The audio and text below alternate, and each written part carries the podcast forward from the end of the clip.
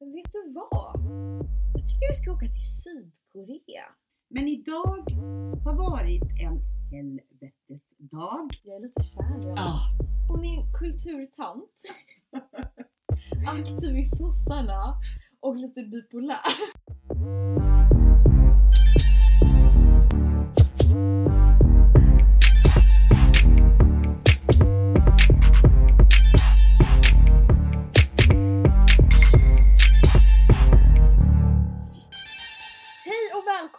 Till dagens avsnitt av PK-tanten och Pretto-bruden! Mm. Andra avsnittet. Jag heter Molly. Och jag heter Susanne.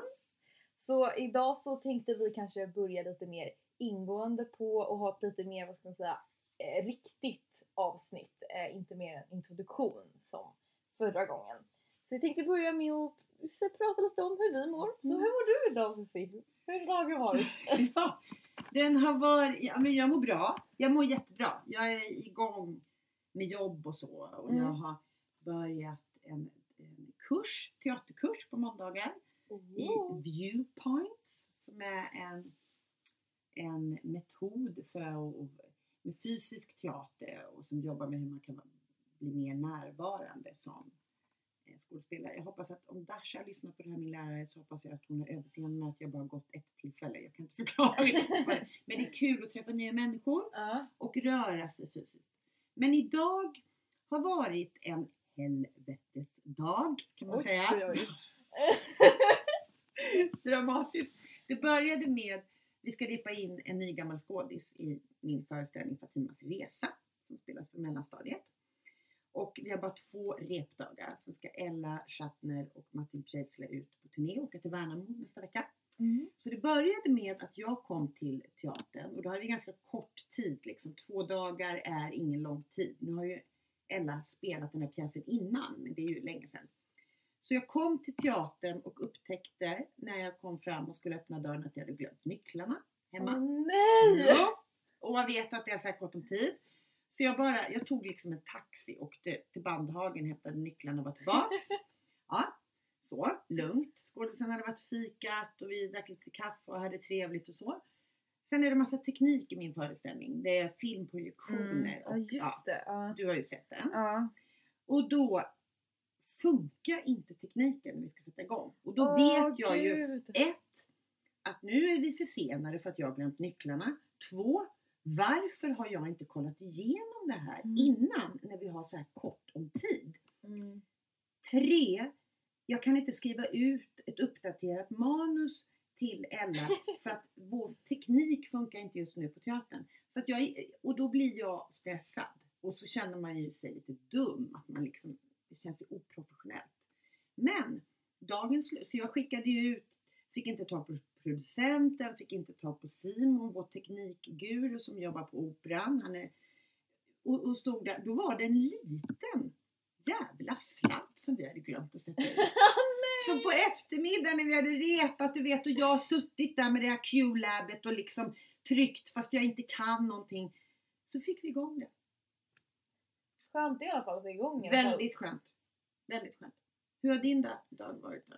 Eh, ja, jag har gått i skolan från 8.30 till 16. Mm. Så att eh, ja, jag har haft en ganska, ganska tråkig dag. Ja. Okej. Jag har inte pluggat något överhuvudtaget. Så det var Men vad har du gjort då? Eller vadå? Vad? snackat skit. Det är vad Molly gör. Sin utbildning. Och sen ska hon sitta och snacka med mig. Sen ska jag med. Nej men jag ska faktiskt ha eh, klassfest imorgon. Just det. att, Här med alla. Hur många är ni i klassen? eh, nej, alltså alla kommer inte. Eller för att det, det, vi har ju självklart, självklart bjudit alla i klassen Ja, liksom. ja. Vi är inte dumma i Nej. liksom, Vadå vi? Är det en, jag, jag, jag co-hostar Ja, med och min, okej. mitt lilla gäng. Liksom. Eh, men det, var, det är väl kanske inte alla som har varit liksom, så intresserade. Alltså Nej. de som inte vi hänger med var ju kanske inte jätteintresserade. Av att komma. Eh, Mm. Ja, men det är ändå så att vi är typ 20 pers. Så kommer? Ja. Okej. Ja. Jag kommer att smyga runt ja. här. Vad ska du bjuda, vad, vad, hur blir det? Är det mat och så eller är det bara liksom, ska ni parta eller är det, Eh, ska du bjuda på någonting? ja, vi ska ha en fördrink. Ja, okej, vad blir det? Um, jag hann... Du är 17 år. Vi får inte sitta och prata vi, vi pratar inte om drinkarna. Jag accepterar. Det är Sprite Ja. enbart. Vi går in på maten. Vad ska du? Ska du bjuda på mat? De flottigaste chipsen. Ska ha chi- det är liksom det, för fest. Ska ni gå ut sen eller? Ska ni? Ja, jag är fortfarande 17 så... Ja, du får inte med ut. Eller men vadå? Det Ska finns ingen klubb att gå på. Nej, du Nej men in. vadå, jag är ju 17. Ja, det var... Ja men det tycker inte så- Ja, men Eh. känner du dig taggad? ja, jag är typ lite så nervös för jag har typ inte riktigt umgåtts med hela klassen på det sättet. Och nu sitter jag också och säger det. Ja, här. i Klassen kommer att lyssna. Har ni redan haft festen. Ja, men jag, jag tror att det kommer bli jätte, jätteroligt. Eh, ja, jag tror att det kommer bli jättekul. Mm. Jag hoppas att ingen förstör något. Mm. Men det är ju lite, jag kommer ihåg när jag hade min det var nog för, alltså jag hade ju lite fester också hemma där vi var mycket yngre än 17. och hade Lessebo-gänget som kom, ett stort gäng med, med men det är ju alltid lite nervöst att vara liksom värdinna för att då får man ju ansvar. Alltså man vill ju Ja. att alla ska ha det så trevligt och Precis. tycka att det är kul. Ja, det är ju Finns ju- roligare ja. att gå på någon annans fest Ja. liksom. Så det blir ju lite så här att innan man har sett att alla Mm. har det kul så kan det vara lite svårt att slappna av. Ja. Så, så tycker jag Eller- fortfarande. Ja, eller att någon kanske har lite för kul. Ja. Och då blir det... det får man Då tolka kan hur man man inte vill. slappna av då heller. Ja, men det låter ju ändå som du, du verkar ju upp, Ja. upplyft eller du verkar som att du eh, ser fram emot det. ja, jo men jag, jag tycker det ska bli jätteroligt. Mm. Eh, bye bye! Woo!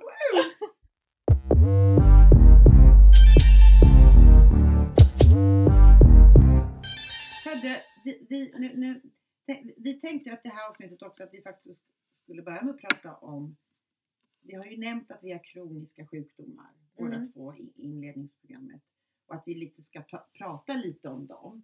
Och idag ska vi, tänkte vi prata, eller vi, du får berätta om Mm. din sjukdom. Precis. Eh, och sen tänkte vi väl kanske att vi tar eh, din sjukdom då i ett lite annat avsnitt Ja. som vi Ja. fokuserar lite Ja.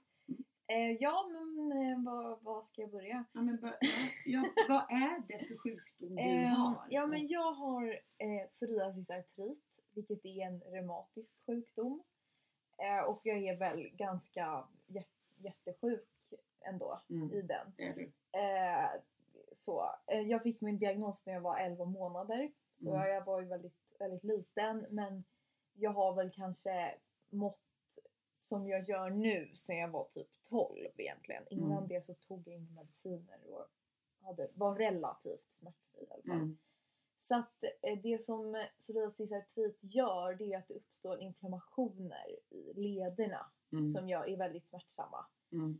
Du, du har ju smärta nästan hela tiden. Ja, och sen så av att jag haft så mycket inflammationer så ha, har jag nu en slags nervsmärta. Eh, nocioplastisk smärta. Eh, vilket innebär att på grund av att mina leder har förstörts Mm. har också mitt nervsystem förstörts. Mm. Så det blir smärta av smärta? Eller ska man, kan man Ja, säga? ja Mm. men typ. Mm. Eh, så att, och den är också ganska svår att behandla. Mm. den typen av, ja, när, när det påverkar nervsystemet. Mm. För då handlar det ju inte kanske, det blir inte så, det blir inte så enkelt. Det blir lite mer komplext. Eh, men ja, Hur på, om man skulle bara få en bild av, för jag vet ju det här som jag har följt dig genom åren och Mm. vet ju hur, hur, det, hur mycket det påverkar dig. Och jag tänker också att många människor förstår ju inte heller hur oerhört ont du har. Men om man säger, hur påverkar det dig i din vardag? eh, oj, tyvärr är det väl så att det, det är lättare att säga hur det inte påverkar mig. Mm. För att den påverkar mig, hela mitt liv är ju format efter min sjukdom. Jag, alltså bara börja med att jag är väldigt svårt att komma ur sängen liksom. Det är ju bara ett projekt i sig för att det gör så ont liksom. Mm. Och sen så skulle jag väl kanske, det som är lättast att förklara, det är som att min dag är väldigt mycket kortare. Alltså jag får lite välja, om vi tar ett exempel. Någon kanske eh, går till skolan och sen så kanske de fikar, kanske tränar lite Mm. där och sen gör de något på kvällen innan de går och lägger sig. Mm. För mig är det liksom att bara ta mig till skolan, då får jag gå hem och sova liksom. Mm. Eh, I princip. Så du får ett bakslag varje gång du i princip gör något. Så Ja, måste- ja precis. Och, det, och ja, men jag kan göra väldigt mycket mindre saker Mm. helt enkelt. Så det är lite svårt att få ihop vardagen. Mm. För att jag hela tiden måste tänka okej fast om jag gör det här då kommer jag inte kunna göra det här. Vad ska jag prioritera? Är det värt det? Bla Mm. bla bla. Mm. Så att allt det blir ju rätt, eh, rätt påfrestande Mm. helt enkelt. Mm. Och du är ju i det också oerhört beroende av din mamma. Ja, verkligen. Ja, verkligen. Och jag är väldigt tacksam att jag har föräldrar som är så närvarande. Mm. Och att jag framförallt, alltså jag- har mamma som är så himla inkännande och hon kan ju, kan ju mig Mm. på något sätt. Mm. Exakt. Mm. Vilket är väldigt skönt. Hon är lite som din assistent blir. Du får ju köra dig. Ja. Alltså, man, det låter att jag säger så, det låter så här. Hon är... Nej men jag tänker som Ja. jag känner er är det väl också så att ni håller er uppe genom att ni hela tiden är positiva. Men sen ibland blir det liksom som att det sveper. Ja, ja, alltså det är lite så att det är som att jag trycker undan allting och bara skrattar bort det och sen så typ varannan månad så kraschar jag liksom. Eh, och det, jag, jag kraschar ju inte för någon. Typ. I stort sett. Eh, eller för min familj får ju bevittna det. Då, Ja, liksom. men du visar inte det för någon annan. Nej, Nej. typ ingenting. Alltså jag har fått jobba jättemycket att jag ens kunnat eh, säga det till mina närmaste vänner. Liksom. När jag kraschar. Eller liksom, Va, hur kommer det sig att det är så? Tror du? alltså jag, det, det blir ofta så att man, om man säger att man är sjuk, Mm. eh, framförallt när man är ung tror jag, att man ham, antingen hamnar, man hamnar i fack. Mm. Antingen så är det så här, fast va, så jobbigt kan det inte vara. Du, ser inte, du sitter inte i rullstol, du kan inte ha ont. Så då kan det bli det facket, vilket är inte så nice av förklarliga skäl. Eller så blir det lätt facket, nej men gud. Åh, men älsk, vad kan, Mm. vad kan jag Nej. Att de Mm. liksom inte riktigt vet vad de ska säga. Och då blir det helt plötsligt så här, det sjuka barnet Mm, som inte det. kan göra någonting. Och det hatar jag nästan ännu mer än att vara sjuk. Att Ja. jag får, att jag liksom Ja men jag är dum i huvudet i stort sett fast i, kroppen. Nej men alltså det känns som att eh, och det, ty- det tycker jag är jättejobbigt. Jag hatar att vara Att det sårbar. blir din identitet. Men, du, men, du, men att vara sårbar, att folk tycka synd om dig? Eller? Ja, jo men alltså jag hatar att eh, sjukdomen eh, visar vem jag är på något sätt. Mm. Eh, och sen så, jag vet att det är, det är inte så hälsosamt oavsett vad jag skulle ha för problem för jag har jobbigt att prata om det liksom, hur mitt psykiska mående och allting liksom. Att jag hatar att, att vara sårbar. Jag är ofta den som tröstar Mm. liksom. Men det, ja, jag eh, liksom Ja. snarare än att Ja. men när jag själv kanske be, skulle behöva bli Mm. tröstad då stänger jag typ in mig Mm. eller liksom blir väldigt Mm. eh, i själv. Mm. Förutom då min fantastiska mamma. Mm. Som, som, Shout som är out! ju, Jag skojar. som är ju... För jag tänker att... Eller jag... För jag har, tror jag, vågat vara mer och mer sårbar ju äldre jag är. Så nu Ja. har jag också behövt göra det på ett sätt i mitt jobb också. Men jag har också haft den där, fast på an, av andra anledningar än dig såklart. Men det här att inte vilja vara, visa sig sårbar. Ja, och Fast jag, jag är jätte, jätte, jätte, jättekänslig. Ja, jag, jag, tror, jag tror att det har redan blivit bättre för jag vet att det blir också jobbigt för de närstående. Ja. För att då, jag menar min bästa vän, hon vet ju inte riktigt hur hon ska liksom handskas. Nej. För så här, hon vet ju det och hon tar hand om mig jättebra men hon vet liksom inte hur vi ska typ prata om det. Eh, och det vet jag ju också blir jobbigt. Dels så blir det ju såklart jobbigt för mig själv. Mm. Men det blir typ lättare att försöka lösa problemet eller vad man ska säga om det handlar om andra för, för mig själv. Så ja, jag jobbar jättemycket med det. Jag och min psykolog. Ja, ja, ja. Men, och, och det blir ju, jag tänker också att det är ju perioder där, den där, där det blir jobbigt för dig. Liksom. Alltså att, för, att det, för att du har så fruktansvärt ont. Mm. Det är ju en Ja. del av, ditt, av ditt liv. Jag känner ju hela tiden att jag tycker, nu ska inte jag bli den här. För jag tänker också, det finns också, finns det inte ett, ett annat problem som du har berättat för mig. Det är ju också alla människor som ska ge dig råd. Alltså Ja, det är lite sådana som har lite lätt reumatism och sen lyckas Mm. bli av med den med lite träning. Du berättade om att du hade lagt upp och så kommer det, alltså vi borde kanske testa det här proteintillskottet. ja. Ja. För då, då ska man säga att du har testat allt. Ja, Du, testar, du har liksom ett helt team runt dig. ja förra är- veckan så fick jag när jag åkte hissen i skolan. Men vet du vad? Jag tycker du ska åka till Sydkorea och testa den. Alltså helt seriöst. Bara, Vem? ja, nej men han kom från Sydkorea och tyckte att Men vadå var- ni pratade om? Nej men, han, nej men alla, jag åker hiss i skolan Ja. och det måste man ha eh, ett speciellt hisskort för. Ja, okej. Eh, för att annars så använder liksom alla Ja. det. Ja. Och då är det de flesta vuxna som är så här, får du åka hissen? Och jag bara, ja jag står ju uppenbarligen här och har Ja. kunnat trycka på knappen som man behöver nyckeln Mm. till. Så att, Mm. eh, ja, eh, lite bitter. Eh, nej men och då var, sa han så här, bara, "Ah, vad, vad är det för fel på dig? Typ. Nej men han var det trevligt Mm. honom. Basically. Och då sa jag så här, "Ah, jag har en ledsjukdom bla bla bla. Berättade kort min livshistoria typ. För Mm. man måste ju förklara. Det Du, du ja, måste förklara Ja, för det de, måste, ja. det är, Mm. vilket också är så här, det är ju rätt jobb. Man kan ju tänka att det är någonting lite personligt men nej. nej. Och då skulle jag då åka till Sydkorea för att han hade någon slags mirakelmedicin där. Vi tänkte samla in pengar till. Malins resa till Sydkorea. Vi får skänka. Vi har... Jag tänkte direkt nästgårds och bara Nej, Sydkorea. Nej, Sydkorea. Ja. Intressant. Tror du att folk gör det för att du också är yngre? Man tar sig rätten och ger råd? Ja, sen så tror jag tror kanske framförallt att det handlar lite om att folk blir lite obekväma. Mm. Att de inte riktigt, nu till exempel om vi säger från hans perspektiv, oj nu har jag tvingat henne att berätta om det här och hon mår tydligen piss. Eh, vad, panik, ja, hissen, ge kom, ja, liksom, hissen kommer Mm. aldrig gå, vad ska jag göra? Och då så bara, vet du vad? Jag, du blir frisk! Ja, ja men jag tror att det är lite så här att de blir lite obekväma och tycker det är jättejobbigt. Eh, att oj, hon mådde ju kanske dåligt på riktigt. Ja. Och då får lite panik och bara ja. Och sen så tror jag att folk är rätt eh, naiva för att jag inte ser så sjuk ut. Alltså jag, jag döljer ju det det. ganska bra. Mm. Eller ja, Mm. Bra men Det syns inte. nej precis och då blir det väl så här, ja men det var lite ont, lite ont i handleden där på fredag eftermiddag. Mm.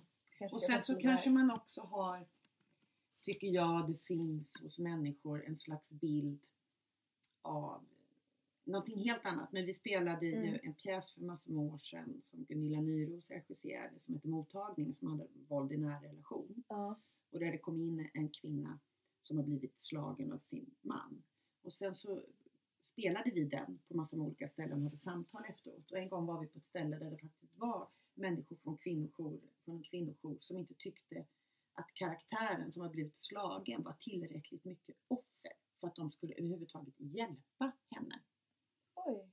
Min, min syster spelade ju henne så att, och jag höll i samtalet efteråt och jag var karaktären i pjäsen som var den före detta misshandlade som var väldigt kaxig. Att jag blev ju nästan Mm. min karaktär i diskussionen och blev Ja. ju upprörd över, för då, alltså det finns en bild av hur människor ska vara när de behöver hjälp.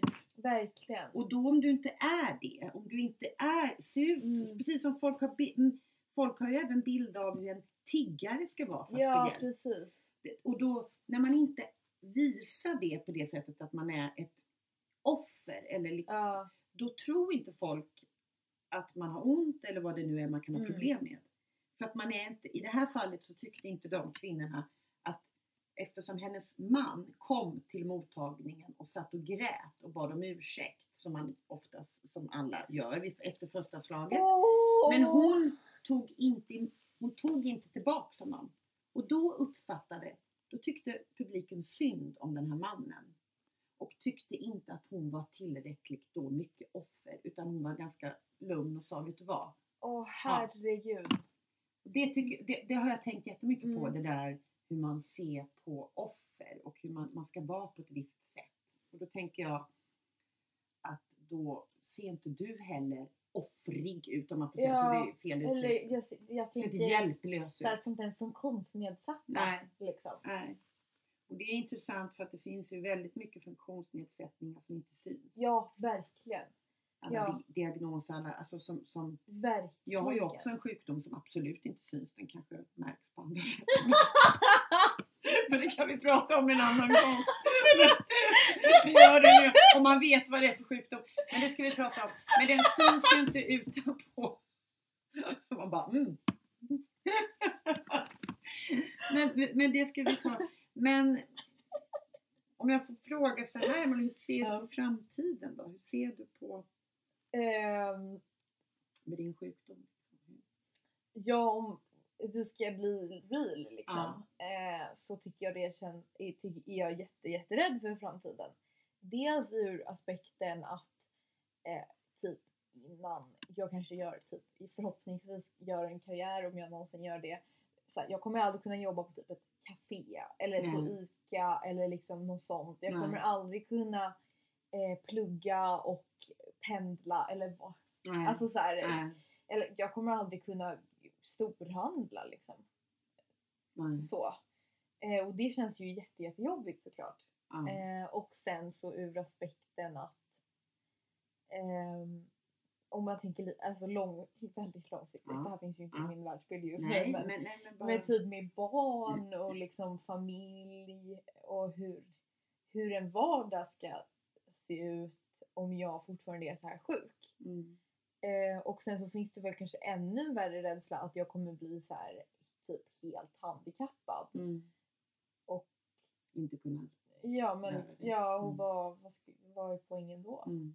Jag är ju en väldigt så här, det känns som att jag är en ganska så här pigg och alert, aktiv person. Mm. Så det, det gör mig väldigt rädd att Mm. jag kanske kan komma ha svårt att vara det. Mm. Eh, sen så också vet jag ju att förhoppningsvis att det kanske kommer bli bättre förhoppningsvis. Det är ju ganska, det är ju ganska vanligt att eh, alltså, så barn som är sjuka i reumatism Mm.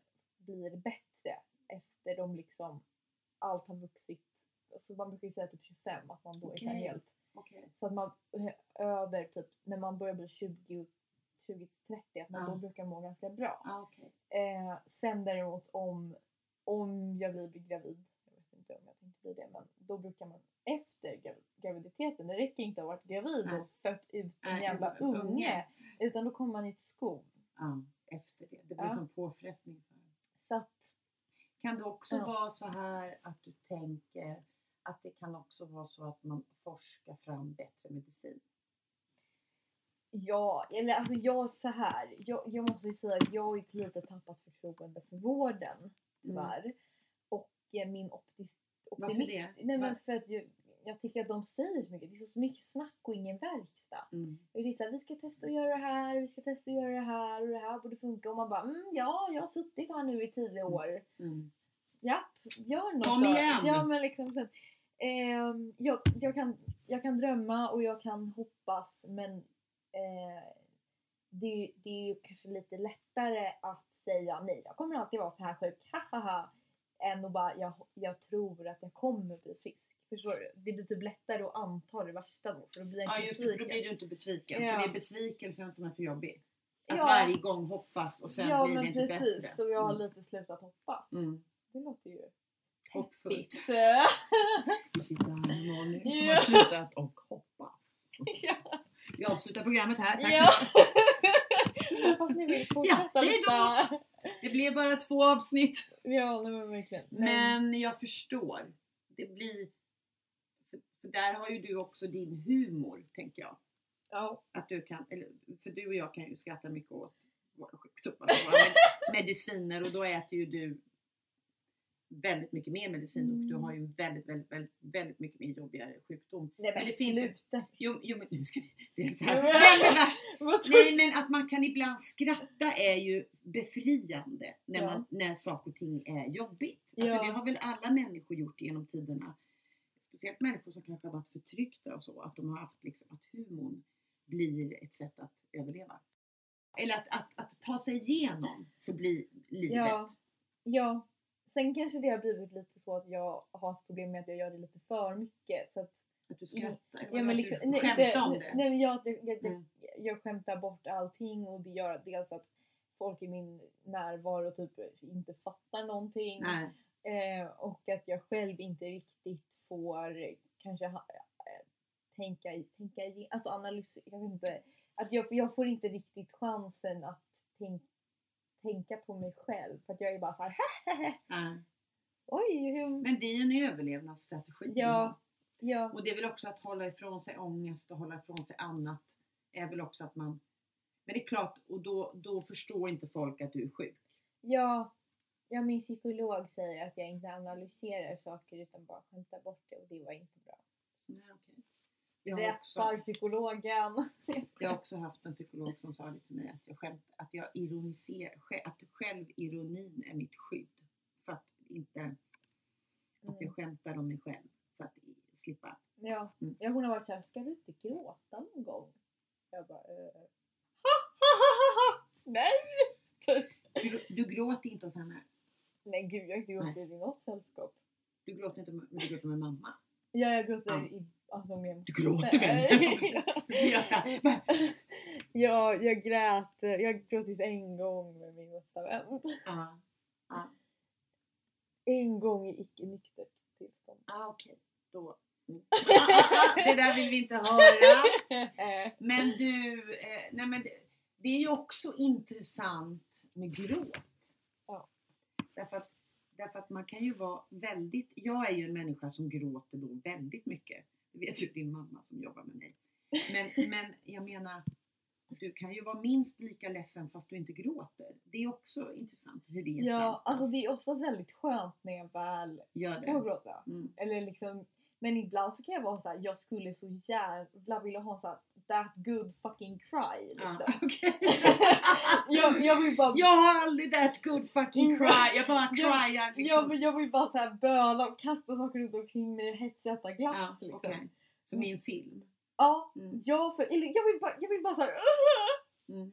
Men jag, jag klarar inte av det, i så fall är det lite såhär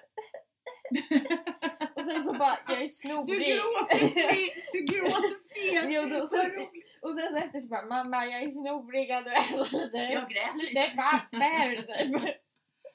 Ja, nej men det... Men då kan jag ju säga att om man är en person som gråter som jag gör så blir man ju så jävla trött på det också. Mm. Att jag kan bli så här. Skärp dig! Den gyllene medelvägen Ja, den är gyllene, svår att med, hitta. med, den gyllene medelvägen är väldigt. Jag vill bara säga en sak. Att vi kan ju också prata om det här. Jag tänker att vi kanske vill ta hit en forskare någon gång. Alltså, med, medicin, alltså att man kan, Ja. om det är folk som har frågor också om din sjukdom så kan Ja. det ju vara. För det kan ju sitta människor där ute som har samma sjukdom. Och Ja. känner oj, jag känner igen mig precis i det Molly sa. Så får Mm. man ju, tänker jag, skriva om det till oss. Verkligen. Att man också får dela med sig om. Och vi kanske vill ta upp det på ett annat sätt också. Ja. Har vi några kontaktuppgifter någonstans? Nej, det måste vi skapa. Vi måste göra en egen mail. Ja, när det här kommer upp Ja, så kommer så ju kommer det. det. att vara länkat Ja, helt enkelt. exakt. På något bra. sätt. Så heter det. Mm, bra. Ja. Men du hörru, ska, Ja. vi, ska vi kanske gå vidare? Ja. Jag är väldigt nyfiken på ditt svar. Roligt. Nästa segment! Gud jag skojar, förlåt. Ja, uppgiften! Uppgiften! Uppgiften! Ja, jag fick ju utav dig att jag skulle berätta vilken partiledare jag ville träffa och Mm. äta middag med och prata om corona. Om du skulle få ha en middag med en partiledare från svenska riksdagspolitikerna, Ja. partierna, vem skulle det vara och varför? Och då ska jag alltså diskutera Corona. coronafrågan med den här partiledaren. Och jag har tänkt såklart på det här väldigt mycket.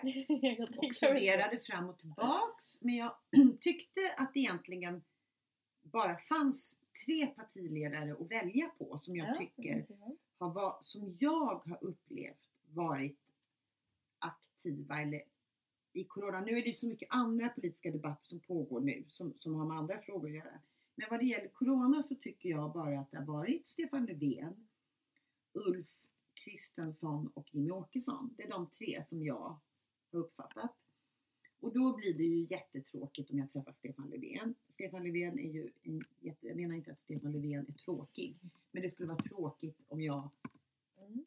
efter eftersom jag har politiska åsikter som Ja, samstämmer med honom. inte så intressant så blir det inte middag. så intressant middag. Även om jag faktiskt måste säga att jag tycker att han har skött det här ganska bra. liksom. Ja. Han har ändå, tycker jag, framstått som trygg och eh, ja, ingett framtidshopp, tycker jag. Mm. Eh, och sen så kände jag så här, Jimmy Åkesson, skulle gärna sitta och äta middag med honom. Eh, men inte i det här fallet. För att Nej. jag tycker inte att det är intressant heller för att han har inte suttit i, han har inte regerat någonting. Nej, det var därför Jag jag, frågade ja. just med Corona. för ja. annars tänkte jag att det, det är såklart det skulle vara jätteintressant att prata Ja. med Mimmi Åkesson. Ja. Så det blev lite Nej. djupare kanske. Så därför så vill jag, vill jag prata med moderatledaren. Som är, han är ju på, Mm. han är ju på krigsstigen i allt just nu. Men då gick jag och funderade på vad vill jag prata med honom Mm. om Corona? Och då kom jag fram till att jag vill väldigt gärna diskutera med honom om, åldringsvården. För det är ju, vi kan ju inte säga så mycket ännu om vad som har varit rätt och fel strategi. Mm. Det enda vi vet är att vi har gjort väldigt speciellt här i Sverige som vanligt. Eh, men det vi kan säga om den svenska strategin är att det var ett enormt misslyckande med åldringsvården. Det var där smittan tog sig in, speciellt också i Stockholm. Eh, och det är där Inspektionen för vård och omsorg, i IVA, de inspekterar ju vården Mm. regelbundet. Och det de kunde se när de inspekterade nu under Corona, eller där, där det fanns problem, var att där det nu fanns under problem under Corona, där hade funnits problem länge. Mm. Så, det, så, så saken är så här. Åldringsvården har under 30 års tid har det sparats in och effektiviserats och Mm. minskat. Den Ja. verksamheten. Så de problemen som finns inom åldringsvården, de har alla som jobbar inom vården vetat om väldigt länge. Jag menar, eh, fackförbundet Kommunal, de är på de har, det är så många som har flaggat för det här under så lång tid att det finns problem. Ja. Och vi har ju, vår första pjäs vi gjorde på Tage Granit hette Rödluvan i vården och den var om nedskärningarna under 90-talet. Handlade den Ja. om. 98 skrev vi den. Sen har jag skrivit en pjäs 16 år senare som heter De bortglömda hjältarna. Ja. Och nu är de ju inte bortglömda. Så, så nu, nu har ju folk först förstått att oj, vi behöver människor som har bra arbetsvillkor inom vården. Vi behöver människor som tycker om att jobba i vården. Vi behöver människor som jobbar i vården och kan överleva och ha en bra lön. Det, det har ingen lyssnat på innan. Och, det, och om vi ska ta Stockholm som exempel, som då haft, vi hade den stö- största smittan. Då är alltså 40% av de som jobbar inom åldringsvården i Stockholm är timanställda. Oj. Och som timanställd så har du, inga, du, du har ingen säkerhet. Nej, verkligen. Så även om du är lite hostig så måste du ta det där jobbet som du får på en sms. Du får ett erbjudande, Mm. kan du ta det här passet? Då tar du det snabbast du kan för att du behöver pengarna. Mm. Det innebär att du går omkring och är lite halvkrasslig ibland Ja. till vården. Mm.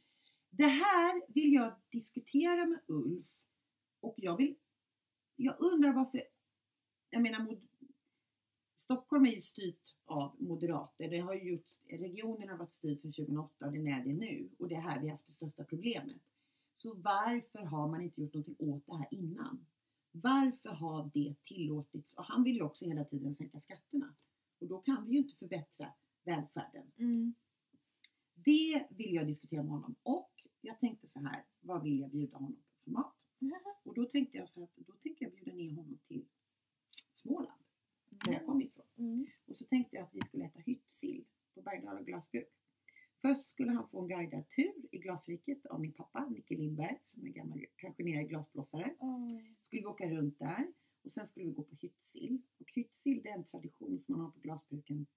Men luffarna kom förr. De Mm. kom ju till glasbruken på, på kvällarna och skulle sov över där för det var så varmt runt ugnarna. Och så berättade de historier. Min pappa har berättat att man cyklade ner till glasbruket för att lyssna på luffarna för de hade ju så mycket att berätta om. Och så ställde man in maten i kylröret och värmde den där. Så därifrån. Mm. Så det skulle jag vilja prata med Ulf och, och, och jag vill, ha, vill höra med honom varför man har låtit det här fortgå så långt Mm. utan man gjorde något. För det är ju så att de bortglömda hjältarna är ju inte bortglömda nu utan nu om man ska säga något bra om corona så är det att det här har uppmärksammats. Verkligen. Vilket intressant svar och vilken extremt bra förklaring tycker jag. Ja, vad roligt. Ja men, ja, men jag gick och tänkte på vad vill jag diskutera i coronafrågan? Mm. Och då kom ändå den, för det är där som vi kan se att vi har haft ett misslyckande. Mm. Ja, men det var kul, väldigt roligt att fundera över. Jättebra, spännande fråga Molly. Jag blev så överrumplad när du gav den till mig också. Jag blev så här, alltså, jag hade aldrig kunnat komma på den själv. Men du, nyliberalismen. Man pratar om det väldigt ofta och man nämner Mm. det i diskussioner. Men jag vill, jag vill mer bara se vad du tänker om det när du undersöker det. Ja. Och det är nyliberalismen. Ja, Hur var det? Nu måste du berätta hur Mm. du har tänkt runt det.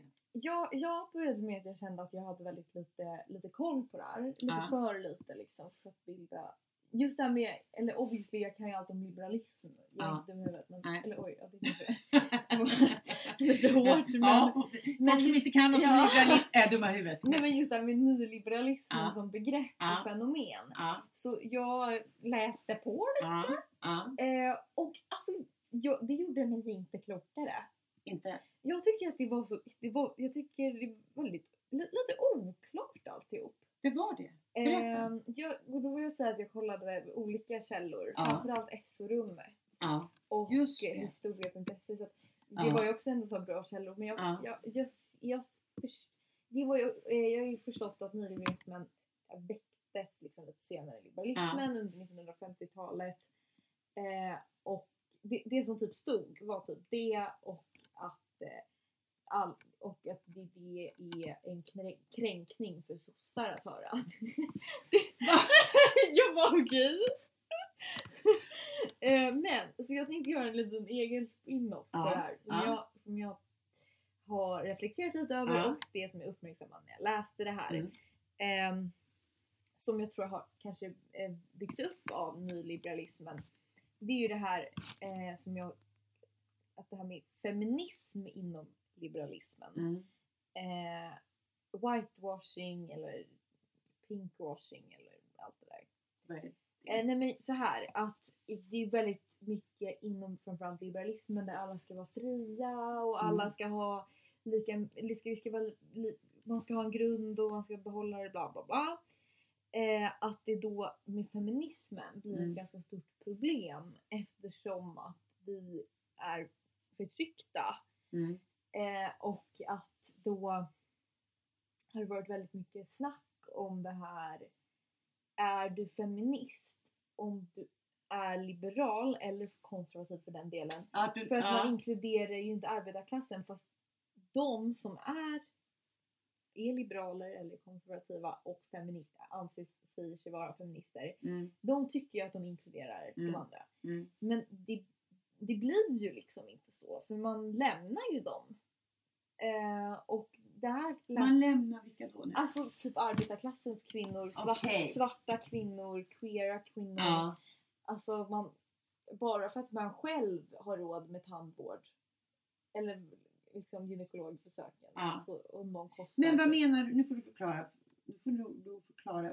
Du menar att man i liberalismen så är det upp till dig själv att klara dig? Eller är det så du Ja tänker? men lite Ja, så. Att det är upp till dig, Ja. skaffa en försäkring, ta... ja och det alltså inte varit luta dig mot välfärdsstaten eller? Ja men, ja men precis. Eh, och det hade ju varit ett jättebra system om alla hade det lika liksom. Ja.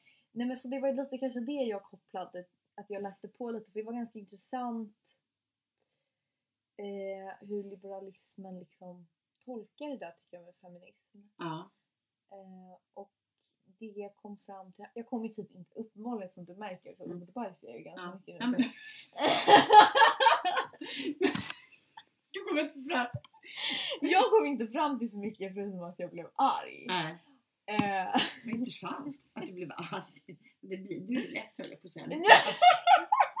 Men, du blev på det. Ja, men vad blev du arg på då? Nej men jag blir arg på det här. Alltså jag tänker så här, det är så, så him- För jag pratade med en liberal om här. Ja, okej. En Vem då? En bekant? Ja. Mm. Jag tänker inte... Nej, Ja. Mm. Eh, så. Men och då, då är jag lite så här. Jag blir, bara, jag blir bara väldigt upprörd för det är så himla bra för dig att du kan välja vilken tandläkare du kan gå till. Ja. Men de som inte kan välja någon tandläkare Nej. alls för de inte Nej. kan betala tandläkaren. Nej, just det. Liksom, den svarta ensamstående kvinnan i Rågsved. Ja. Hon, då får hon tandvård. Nej, Men det är det. jättefint för dig att du är så Ja. fri för du Ja. kan, och du kan välja mellan alla Ja. vackra Ja. tandläkare. Det var ett exempel Ja. då obviously men Och då bygger det, också, bygger det inte också på då att man utgår från att alla har samma förutsättningar? Och det är Ja. upp till dig själv. ja precis. Man ser inte att folk, som vi ser det lite som du och jag har som grund, att man ser att folk har olika förutsättningar. Och Ja. är man en ensamstående mamma i New York som är, lågutbildad, och som kanske måste ha tre jobb för att Mm. överleva och inte ens ha en sjukförsäkring. Alltså, mm. ja. Så att eh, av din fråga upptäckte jag ilska. Ah, Okej, intressant! Mycket intressant Molly. En ilska. Va, vad fick du för uppfattning om- du bara skulle förklara liberalismen då? Eller vad, vad tänkte du om, eller liksom men du fick ingen mer förklaring av nyliberalism än det som stod i boken? Att, Nej men liksom, jag, förut, det var, jag, jag fattar inte riktigt skillnaden på begreppet nyliberalism och liberalism. Nej. en Vet fråga till våra lyssnare. Vet du det? Nej men det var därför jag ville att du skulle titta. Nej jag tycker att folk, alltså det finns ett Det bara att kasta sig runt. det finns olika former av liberalism. Ja men det, det jag Ja. kan säga är väl att det verkar lite som att det går mer mot höger. Ja, Alltså för de sa ofta så här till skillnad från socialliberalism. ja. Så det verkar, socialliberalism är en slags liberalism men ändå har någon slags, och man har de pratade mycket ändå om ekonomi. Ja. Så det verkar handla väldigt mycket om att man ska få ha sina egna pengar. Men Ja. det här, det här Kapitalism. Mm. Ja, helt Mm. enkelt basically. Men det här måste jag säga att det här kan, kan jag ha fel på Mm. så att ni får gärna rätta Mm. mig. Men det är ju ni- en intressant fråga till Ja. våra lyssnare. Ja. Gud vad spännande. Om det är någon annan som känner här som lyssnar på oss och bara Nyliberalismen, herregud förstår ni Ja. inte den?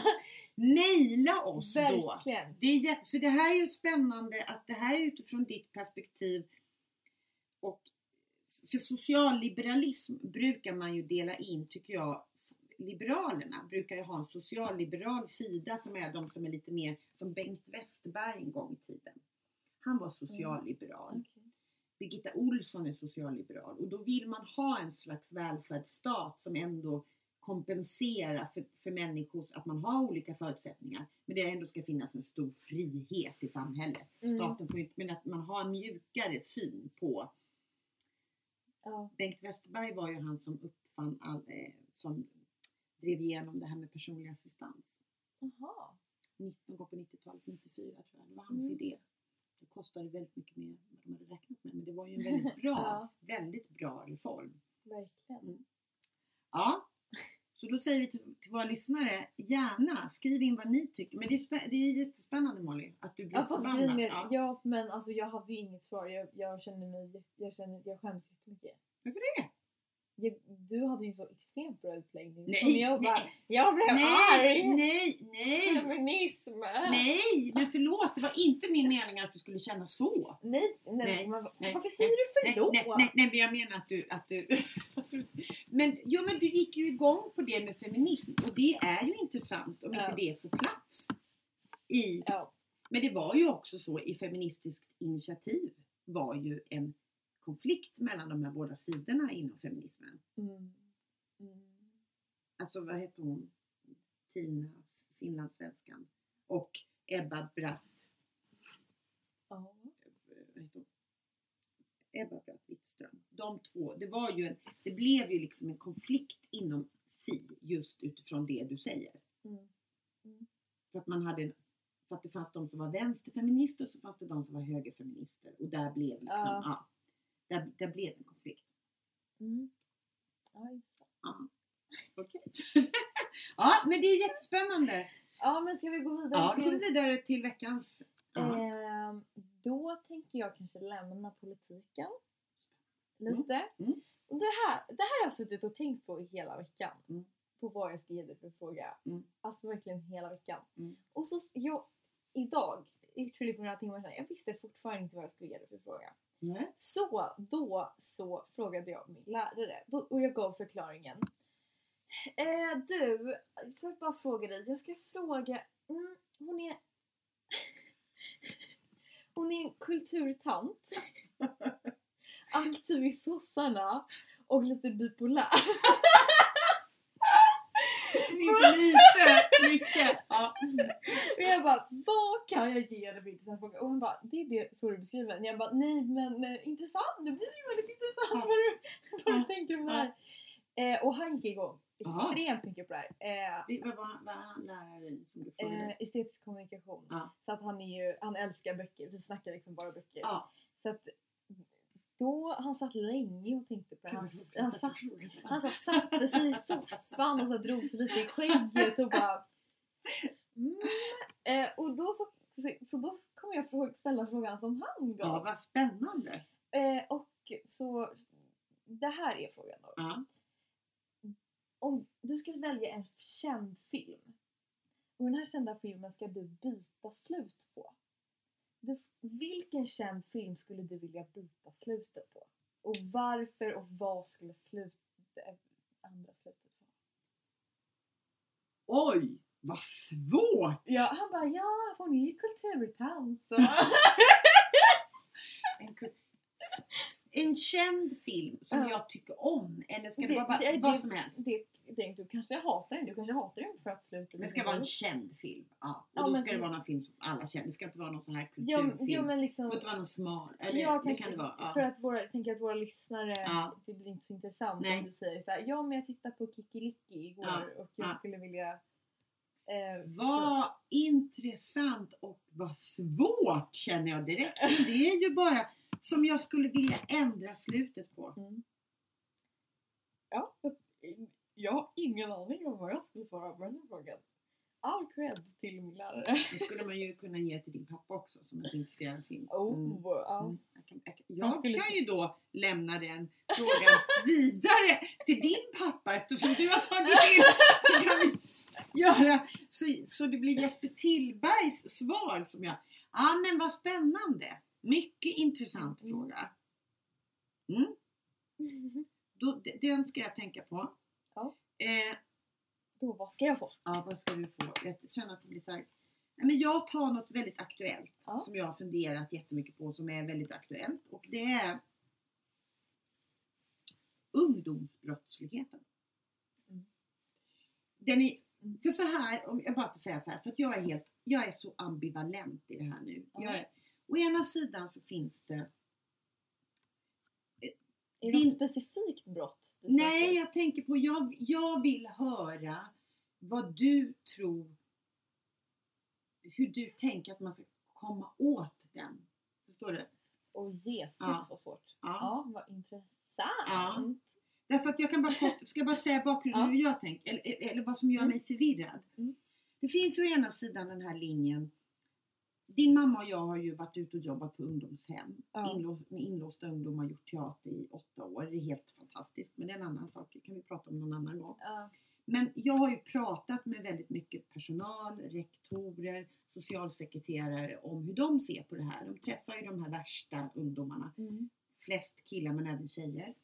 Och de, de ser ju det så här att skulle kommunerna tänka mera långsiktigt och satsa tidigare på de här ungarna som man ganska tidigt kan se att det här kommer skita sig och se till att de klarar av skolan, att de liksom får meningsfull fritid, att de får ett, förutsättningarna för att få ett bra liv Ja. så skulle samhället tjäna in de här pengarna väldigt mycket sen i framtiden. Mm. Därför att många av de här ungarna eh, hamnar snett ganska tidigt. Och Ja, kanske inte har gått i skolan sedan Mm. de är tio år. Många har ju också jättetuffa uppväxtförhållande hemma. Alltså man kommer från väldigt dysfunktionella familjer. Inte alla men många gör det. Så det finns ju dåliga förutsättningar för att få stöd. Mm.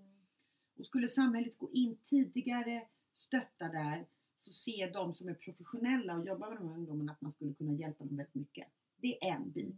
Och den biten handlar om förebyggande åtgärder. Ja. Och den här uppgörelsen nu som sossarna har gjort med samarbetspartierna Centern och Liberalerna, de har inte mycket förebyggande åtgärder i det här, jag har förstått när jag har lyssnat på det. Ja. Utan, sen finns nu det här nya som har kommit fram. I lördags var det en lördagsintervju med eh, biträdande polischef eller någonting. Och då berättade han om de här, det har du säkert hört om, de här 40 familjerna som styr den kriminella verksamheten i Sverige. Ja. Och de här 40 familjerna har ju då tagit sig till Sverige bara för att bedriva kriminalitet. De vill inte integrera sig. De utnyttjar trygghetssystemen, de är massor med, får ut pengar, låtsas att de är sjuka och får personliga så. Så de är här bara för att, och, och de vill och de har ju då i sin tur barn. Jag har ju också träffat de barnen på SIS-hemmen som kommer från jättekriminella. Och där kan jag känna så här. Mm. Så, jag kan känna så här. Släng ut dem liksom. Alltså förstår du? Jag kan Ja. bli så här. För, det är ju så att det här har ju de som kan de här sakerna. Ja, de har sagt det här i 25 år. Att det är så här. Och det har inte vi velat lyssna på och man anser då att Sverige har varit väldigt naiva i det här. Att man inte velat se de här familjerna. Mm. Ja, så, så jag är väldigt ambivalent. Och sen är det typiskt i Sverige är ju nu att då ska allting kastas över åt det här hållet nu. Men jag menar, alla de här barnen som sitter på SIS, de kommer ju inte från de här 40 familjerna utan det är massor med Mm. andra barn som inte kommer från de här kriminella familjerna som hamnar i skit. Så är det ju. Men då, ja, jag, jag känner mig jätteambivalent. Så Mm. då kastar jag över frågan till dig. Vad du... Ja. Vad, och det får du göra som du... Men vad du tänker... Vad, du, vad tänker du om det Ja. så? Du fick en idé om hur du kan få någon slags ingång i det. Ja men precis. Mm. Eh, som ni kanske får reda på mer sen. Ja, vad det är för ingång. Nu vill jag bara säga Susie att vi har pratat i snart 50 minuter. Åh! Eh, så det kanske nu är, räcker det snart ja, för dem kanske att höra dags oss. att Ja. avrunda. ja, Så just relativt det. snart. ja. Ska vi ta den där uh, från USA-podden? Ja, kör. Men nu kastar jag den till dig. Jaha. Va, vad har du eh, vad har du tänkt på den här veckan eller speciellt upptagit dig eller du funderat över? Um, vad har jag funderat över? Jo, jag har läst boken Slumpens barn av Amat Levin. Om, jag ber om ursäkt om jag uttalar det fel. Eh, som handlar om när Sverige mötte Gambia. Okej. Eh, väldigt intressant bok. Mm. Eh, jag har inte riktigt läst ut den än. Nej. Men det är, han dri- har drivit länge ett väldigt stort Instagramkonto som heter Svart historia. Okej. Där han har varje dag tagit upp eh, ja, men svart historia helt Mm. enkelt. Varit väldigt intressant och man ser också, så jag som vit svensk Mm. eh, ser hur mycket som inte syns. Nej. Eh, som är väldigt intressant som jag Mm. bara känner såhär, men gud det här vill jag veta Vadå mer om. som inte syns? Alltså, Nej men alltså typ eh, svarta, det, kan, vara- det har varit lite vad som helst, Mm. svarta idrottare som Mm. inte har lyfts lika mycket som vita. Det kan vara att i Zambia pågår det här just nu. Mm. Han har varit, har varit väldigt olika. Mm. Eh, men som jag tycker var väldigt intressant. Och han har nu släppt en bok då, Mm. Den här slumpens barn. Eh, och han är från Gambia, har rötter Mm. i Gambia själv. Mm. Och då har han, det är väldigt så att det finns väldigt mycket eh, folk som har, har ursprung i Gambia tydligen i Sverige. I Sverige. Mm. Eh, vilket, och då diskuterar han, jag tycker framförallt han tar upp väldigt många olika perspektiv. Man får följa några av hans typ vänner, bekanta, också några kända profiler som man har hittat. Mm. Eh, framförallt en, en, en man som är ganska gammal som kom hit eh, för rätt länge sedan. Mm. Och hur skillnaden, det, att det har blivit så extremt mycket mer fientligt Ja, okej. i Sverige Mm. sen han kom hit. Att då var det mer så här. ja hej på dig liksom. Mm. Var kommer du ifrån Mm. Men att nu är det så här. oj varför går du in här? Du, du gömmer något. Alltså att det Mm. har blivit så extremt mycket, helt enkelt så mycket mer rasistiskt. Ja. Ja. Eh, vilket är för det första fruktansvärt. Mm. Och sen någonting som jag tycker är så extremt bra att han tar upp. För det känns som att det är väldigt många, så här, eller inom i alla fall min krets. Mm. Där tyvärr, det är ju väldigt så, eh, många så här, vänster Södermalmsbor Mm. så är vita. Men vi är Mm. så här, åh här är alla inkluderande. Ja, även du som är adopterad. Nej Mm. men alltså det blir lite den Mm. och sen så kollar man hela Sverige och sen så bara fast så är det inte alls. Nej. Och det är så naivt av oss då att gå runt och bara nej men alla är inkluderade. Ja. Vi må, att jag, jag blev väldigt så här, vi måste på, någon, på något sätt ak, väldigt mycket mer aktivare jobba med antirasism. Mm. Och jag tipsar självklart alla, även rasifierade, men framförallt alla vita att Mm. läsa den här boken. Berätta vad den heter igen. Slumpens barn Mm. heter den. Eh, Så jag tycker väldigt viktig bok och den har fått mig att reflektera väldigt mycket över min egna antirasism Mm. och hur jag kan vara mer konsekvent med den i min vardag Mm. eftersom att det verkligen är Hur kan du vara mer konsekvent med det? Nej men alltså jag tänker ju att ehm, jag, jag ser, jag, jag tror att jag ser väldigt snävt i bara de personerna jag umgås med. Mm. Och där, för där för hela tiden, där är ju alla väldigt inkluderade och eh, ja så. Men att jag tror att jag måste försöka, jag tror mer att det handlar om att jag måste inse att det inte är så. Nej. Och liksom dra ner mig själv på jorden och sen tänka så här: okej hur gör vi nu? Och jag tror att det är någonting som vi alla, framförallt då typ vi vän, Mm. liksom vänstermänniskor Ja. som anser, anser oss själva vara väldigt an, Ja. här, antirasistiska ja, och så. Tror, Att vi måste bara så här, vänta, hallå, all, det funkar inte så här. Titta vad som hände med den här mannen Mm. eller den här. Alltså, Mm. ehm, så det är någonting jag har reflekterat Mm. över. Vad spännande, för det handlar ju också om eh, Ja men det är ett perspektiv. För det farliga är ju när man tycker att man är en person som inte har fördomar. Ja, det blir är så så att man sätter på sig skygglapparna för att det finns människor som har, ser det här. Bara, Mm. Men ja, men det är också så här, men vadå? Jag är ju inte rasistisk så att jag är ju perfekt. Nej, Så här, jag är en god människa. ja, Mm. jo men precis. Att det blir väldigt problematiskt. Ja. Ja, det blir väldigt problematiskt Mm. och det blir rätt rasistiskt rätt fort att man Mm. tänker så själv som vi. ja, ja. Man måste ju bara säga här, hörru, Mm. vänta, nej, vi, fortfar- vi lever Mm. fortfarande i en väldigt rasistisk värld Mm. och så här ska vi göra. Liksom, hur kan vi göra för att förbättra det? Liksom? Man måste inse vad man själv på något vis har också för fördelar. Och vad man, Precis, vad man är sitt för eget fördelad. privilegium. Liksom. Ja. Ja. Det tycker jag låter, det här är också då ett tips på en bok. Det är Verkligen. jättespännande. Det hade vi Förra eh, gången också. Ja, Kul. Mm. Vad har du tänkt på Susanne? Jag har tänkt jättemycket på Ryssland. Oh. Nej men så här, Agenda i söndags tog ju upp dels det här med ungdomsbrottsligheten och sen tog de upp Ryssland och de här gift. Allt, alltså de här Ja. oppositionella personerna de tar död genom gift, genom gift. Som är så, Det är så bisarrt. det är så bisarrt, det är så övertydligt att de gör det, de bara förnekar det. Och, och jag, jag, har allt, jag har varit fascinerad av Ryssland under väldigt, väldigt lång tid. Jag hade till och med en dröm när jag var yngre att åka Transsibiriska järnvägen. Mm. Men, men jag, jag, jag har varit fascinerad av Ryssland för det. Liksom på 80-talet då när Gorbatjov liksom skulle öppna upp Ryssland. Han gjorde ju det på ett väldigt, vad ska man säga, försiktigt sätt. Från det här låsta kommunistiska staten Mm. så ville han ha förändring. Och sen blev han ju då kuppad av Jeltsin, Jeltsin som var den här alkoholiserade mannen som snubblade när han var i Sverige. Jag vet inte, det är så långt före din tid. Ja, nej. Han var ju, apropå nyliberalism, så sålde han ju ut allt det här statliga som fanns. All, all, all, all statlig verksamhet, det var ju det enda. Ryssland bestod utav. Ja. Sålde han ut till en sju, åtta män som Oj. kallas för oligarker. Som satt och fick ju, de blev hur förmögna som helst. Jaha. Jag tänker det är liksom gruvor, all verksamhet. Oh. Och Ryssland blev under 90-talet, vad ska man säga, en råkapitalism Mm. stat. Fri, nyliberalism liksom fullt Mm. ut. Och sen tog Jel, Jeltsin då, valde ju ut, kan man säga, Putin då som sin efterträdare. Han var ju KGB-are, liksom under, jobbat med underrättelsetjänsten. Och sen nu, han är ju en diktator. Nu Mm. är det lika stängt igen. Verkligen.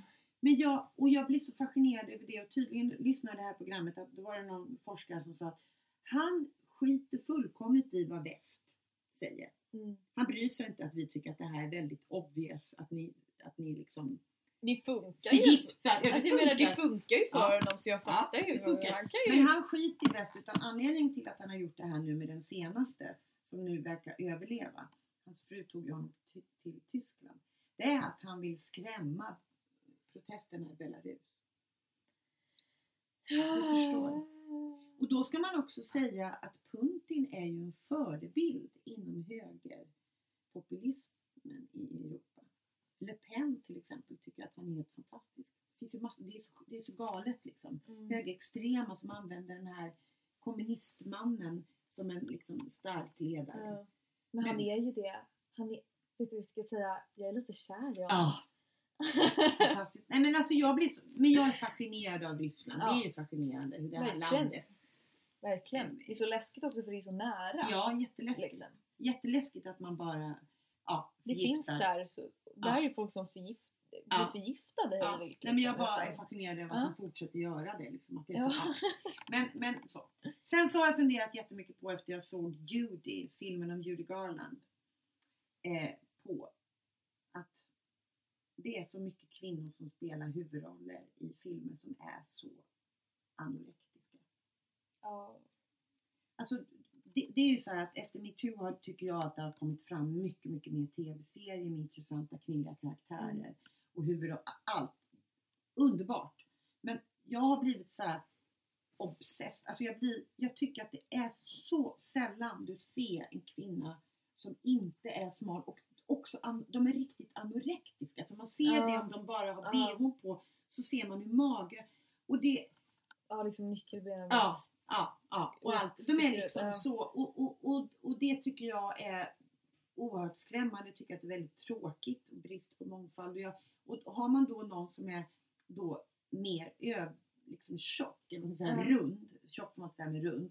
Ja, då är det någon som är komisk. Liksom, som är en- en- Ja, jag blir ja, så jävla är- trött på det. ja. De kan inte ha någon slags sexappeal liksom. Nej. För de, de är ju bara de Om det inte är engelska serier. Jag såg en film igår där det var en kvinna som var så här härlig servitris. Och man bara, men jag blir så ledsen över det, att det bara ska vara så. Och då är det ju, Judy Garland var ju, hon blev ju barnstjärna och de gav ju henne, de tyckte att hon var för rund. Mm.